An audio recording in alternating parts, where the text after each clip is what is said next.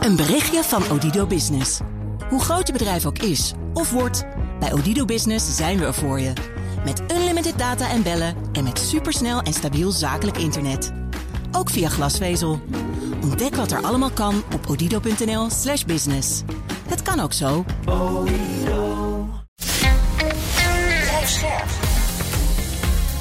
BNR Nieuwsradio. Boekenstein en de Wijk. Mark Beekhuis. Welkom bij Boekenstein en de Wijk. Het is donderdag, dag 456 van de Russische oorlog in Oekraïne. En Rob, Arend Jan, jullie willen heel graag een uh, artikel, eigenlijk een artikel en een reactie op dat artikel uit Foreign Affairs uh, bespreken. Arend Jan, kun jij uh, inleidende beschietingen doen? Ja, ik zal proberen het samen te vatten. Het, het, het eerste artikel is van Michael Mazar, M-A-Z-A-R-R, een senior political scientist van de Rand Corporation, met als titel Why America Still Needs Europe. En wat hij daarmee bedoelt, is dat Amerika moet zich niet terugtrekken uh, uit Europa en moet vooral ook uh, helpen met de verdediging van Europa. Nou, waarom, wat, welke argumenten gebruikt u voor die stelling? Want er gaan straks gaan dus uh, andere mensen gaan daar tegenin. Hè. Die vinden namelijk dat, dat is Ashford en Komsois noem ik ze even. Die zeggen dus dat Europa veel meer zelf moet gaan doen. Dat is de andere school. Nou, eerst deze denkschool. Waarom moet Amerika gewoon doorgaan met Europa te steunen? Nou, dan zegt het eerste argument: als Amerika uh, minder gaat doen in Europa, dan klinkt dat heel erg transactioneel en heel erg gericht op het eigen belang. En dat gaat dus ten koste van de Amerikaanse soft power. Je moet het zo zien van, ja, kennelijk is Amerika alleen maar op zijn eigen belang gericht. En dan heb je dus minder. Uh, invloed in de wereld uh, via die manier. Nou, tweede argument is riskant als Amerikanen het doen, want de, de, de, Europeanen kunnen dat niet alleen. Het spaart ook weinig geld uit, want als, als Rusland dan aanvalt, dan moeten de Amerikanen alsnog en het kan zelfs ook de economische samenwerking tussen Amerika en de EU ondermijnen. En verder moet de EU ook Amerika helpen in Taiwan. Een argument dat hij er ook bij gebruikt. Nou, wat zijn de argumenten er tegen? Dat noem ik dan Ashford en Comsuis. Europe moet meer doen, zei dat artikel. Hè? VS kan helemaal geen oorlog voeren op twee fronten. Dat hebben we vaak ook uitgelegd. Hè? En de EU kan zelf betalen. Het, het, BNP van de EU is negen keer dat van Rusland. En de militaire uitgaven in Europa zijn vier keer van die van Rusland. En de EU is drie keer de Russische bevolking. Hè? En verder, de Russische Moskouse krijgsmacht, de Russische krijgsmacht is nu zwakker door die oorlog. En bedenk ook goed dat artikel 5 is allemaal wel leuk en aardig, maar dat is zo geformuleerd dat het ook gewoon wapenleveranties zou kunnen betekenen. Hè? Uh, dus met andere woorden, al dit soort argumenten worden gebruikt door te zeggen dat uh, Europa gewoon toch echt meer zelf moet doen. Nou, welke denkschool spreekt jou meer aan, Rob? Ja, weet je, ik uh, kijk gewoon naar uh, wat de feiten zijn. Uh, als je bijvoorbeeld kijkt, en dat is volgens mij wordt dat ook in het stuk van Mazar ge gezegd. Um, de militaire situatie is in Europa totaal anders dan de militaire situatie in het Verre Oosten, zeg maar, rond Taiwan. Ja. en, en China. Kijk, daar is het maritiem. Hier in Europa is het veel meer landmacht. Ja, dat kun je gewoon niet met elkaar vergelijken. Met andere woorden, het heeft niet zoveel zin om uh, troepen te gaan verplaatsen uit, uh, uit Europa naar, in de richting van China, want je hebt ze daar gewoon niet nodig.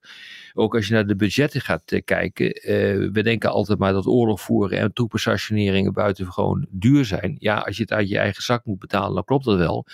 Maar niet als dat gaat uit, het, uit de begroting van een supermacht. En volgens mij heeft uh, Amerika zoiets van uh, nou minder dan 40 miljard dollar uh, aan stationeringskosten, NAVO, bijdrage aan de NAVO, maar ook allerlei initiatieven om de afschrikking te versterken in de Baltische Staten. Dat, ja, het is veel geld, 40 miljard, maar op een begroting van ongeveer 840 miljard uh, dollar, is dat helemaal niet zo gek veel geld. Dan praat je over pakweg 6% van het budget. En uh, als je ook gaat kijken wat er de afgelopen uh, jaar is gebeurd, 20.000 extra manschappen zijn er door Biden geplaatst. Daardoor is de begroting wel iets opgeschroefd, maar het is procentenwerk. En dat gaat dus niet over heel erg veel geld. Dus dat hele financiële argument wat velen eh, eh, gebruiken eh, en het middelenargument dat je te veel aan Europa eh, besteedt, dat, dat klopt dus gewoon niet. En het politieke argument om weg te gaan uit Europa en je helemaal te gaan concentreren op, ehm, op, op, op China. Ja, dat, dat klinkt leuk. Maar daarmee ruk je ook de hele westerse, het hele westerse bondgenootschap eh, uit elkaar. En dan ben je nog verder van huis. Ja, wat ik ervan leerde van die twee artikelen is dat vroeger was het zo, hè, dus 10, eh, 20 jaar geleden, dan was het inderdaad een Amerikaans doel ook. Hè, van ze wilden geen duplicatie, weet je nog? En, en ze wilden eigenlijk EU-defensie-samenwerking eh, een beetje voorkomen. Dat is natuurlijk, die discussie is nu veel genuanceerder. De Amerikanen zijn bereid om e- de Europa te blijven bijstaan, maar ze hebben ook geen grote bezwaren tegen als de EU zelf meer gaat doen. Ja. Uh, en dat vind ik wel, het is eigenlijk een veel gezondere discussie geworden. Nou ja, eens hè. En wat hier dus gewoon uit uh, blijkt, is het, al, het, het, het aloude probleem dat Europa gewoon te weinig aan defensie doet. Ik, ik zag nog een fantastische vraag langskomen van ene Victor. En uh, die zegt, uh, heeft Poetin niet deels gelijk als hij zegt dat Europa vazalstaten van Amerika zijn? En we ja. zijn afhankelijk van hun militaire bescherming. Hier is militair materieel uh, aanwezig, maar ook de dollar is een standaard. Dat is natuurlijk niet helemaal waar, maar het punt ja, is, is toch dat uh, Europa ongelooflijk afhankelijk is van Amerika. En ik ben het wel eens met die stukken dat daar echt wat aan moet worden gedaan. Wij moeten echt veel meer in onze eigen defensie ja. gaan, uh, uh, gaan investeren, zodat wij ook politiek een meer onafhankelijke koers kunnen gaan voeren. Ik denk niet dat wij staten zijn van de Verenigde Staten, maar de uh, de, de relatie op militair gebied is echt wel heel erg ongezond hoor. Tussen Europa en Amerika. Maar Rob, wij zijn afhankelijk van Amerika. Is Amerika nou uiteindelijk toch in een bepaald opzicht afhankelijk van ons? Zijn er dingen die ze niet meer kunnen als de NAVO uit elkaar zou vallen, bijvoorbeeld, of de VS uit de NAVO zou stappen? Nou, om ja, te beginnen kijk, de economische het, banden. Je bent, ja, je bent dit hele bondgenoot, bondgenootschap ja. kwijt. Vroeger werd er gezegd, uh, hef de NAVO maar op. Maar wil je dus als één blok overkomen, één westers blok overkomen, ja, dan is het wel verstandig om eh, militair ook nauw samen te werken, maar ook economisch samen te werken en eh, die samenwerking te verdiepen. Eh, want eh, China is zo groot, 1,4 miljard inwoners, dat je daar ook massa tegenover moet eh, zetten. En er zijn gewoon ook, en dat is een eenvoudige rekens, rekensom voor de Amerikanen, er zijn een miljard meer Chinezen dan dat er Amerikanen zijn. Ja. Exact. En samen met de Europese Unie kun je nog een vuist maken. Maar alleen voor Amerika wordt het op termijn ook lastig hoor. En wat ook belangrijk is, de EU eh, exporteert enorm veel naar Amerika. Nederland is de tweede investeerder in Amerika. Weet je, dat is ongelooflijk werkelijk. Hè? Dus die, die banden zijn heel sterk. En het zou dus eh, voor Amerika ook heel pijnlijk zijn als die uh, economische banden zouden verwateren. Dus dat ja, heeft, het, daar gaat een matigende invloed ook vanuit dat dat zo is. Ja, exact. En wat het ook, deze discussies over. Uh, uh, over moet je nou voor China gaan als Amerikaan of voor Europa of voor beide.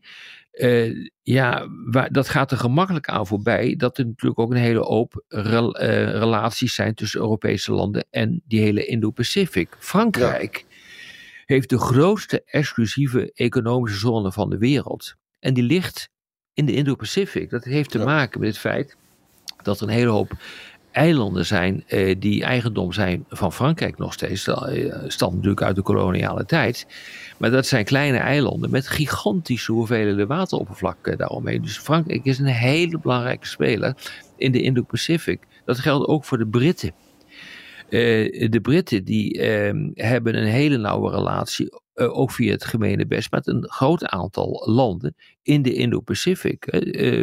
de, de, de koning van Engeland is ook de koning van Australië, om maar wat te, te noemen. Dus die banden zijn er gewoon. Dus je kunt het niet zo zonder meer uit elkaar uh, trekken. Dat, uh, dat is strategisch, is dat denk ik buitengewoon uh, zorgwekkend als je dat wil gaan doen. Ja, is het ook niet een beetje een theoretische vraag van kunnen Amerika en Europa los van elkaar? Want op het moment dat Rusland zou besluiten ineens richting Polen te gaan, dan zal toch de Amerikaanse reflex zijn, dat gaan we niet laten ja. gebeuren. En als ineens ja, China zich misdraagt, dat dan ineens aan die kant de, de, de zwaarte, het zwaartepunt komt te liggen? Nee, het is geen theoretische vraag, want onder Trump is gebeurd. Ja, dat is, dat is zo belangrijk. Hè? Trump heeft dus die artikel, die bijstandsclausule tot vijf keer toe in ieder geval op tv en in uitspraken gerelativeerd. Daar waren we natuurlijk enorm van onder de indruk. Daar hebben we eindeloos over gesproken. Het is overigens wel zo, toen dat gebeurde, dan gaan er dus wel altijd mensen van het State Department die, zijn, die zeggen dan, die proberen dat dan weer te corrigeren. Hè? Ja. En ook, het, en ook het Republikeinen in het congres hebben dat gecorrigeerd. Hè? Maar ja, ik zou er, als stel je voor dat Trump straks terugkomt, en dat is niet uitgesloten, dan krijg je dus gewoon een afschrikkingsgat, Ja. als het ware. Maar het is, het is een continue discussie in de Verenigde Staten. Van wat moet Ja. je met Europa? Het heeft ook te maken met het isolationisme. Althans die tendensen die er al heel erg lang zijn in Amerika. Van we doen het alleen. We zijn een land dat dat gewoon alleen moet kunnen doen. Dat wordt steeds moeilijker eh, als China sterker wordt. Eh, ja, dan moet je gaan kijken naar de aloude ja, machtsbalanspolitiek. En dan heb je Europa steeds meer nodig daarin.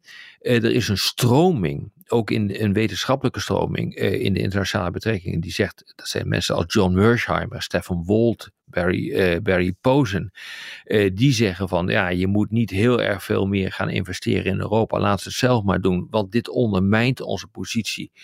Bijvoorbeeld in China, wat we in Europa stoppen, kunnen we niet in, in, de, in onze positie vis-à-vis eh, China stoppen. Nou, daarvan heb ik net gezegd van dat is maar zeer betrekkelijk of dat eh, niet kan. Maar het is wel een belangrijke stroming hoor in, eh, in Amerika.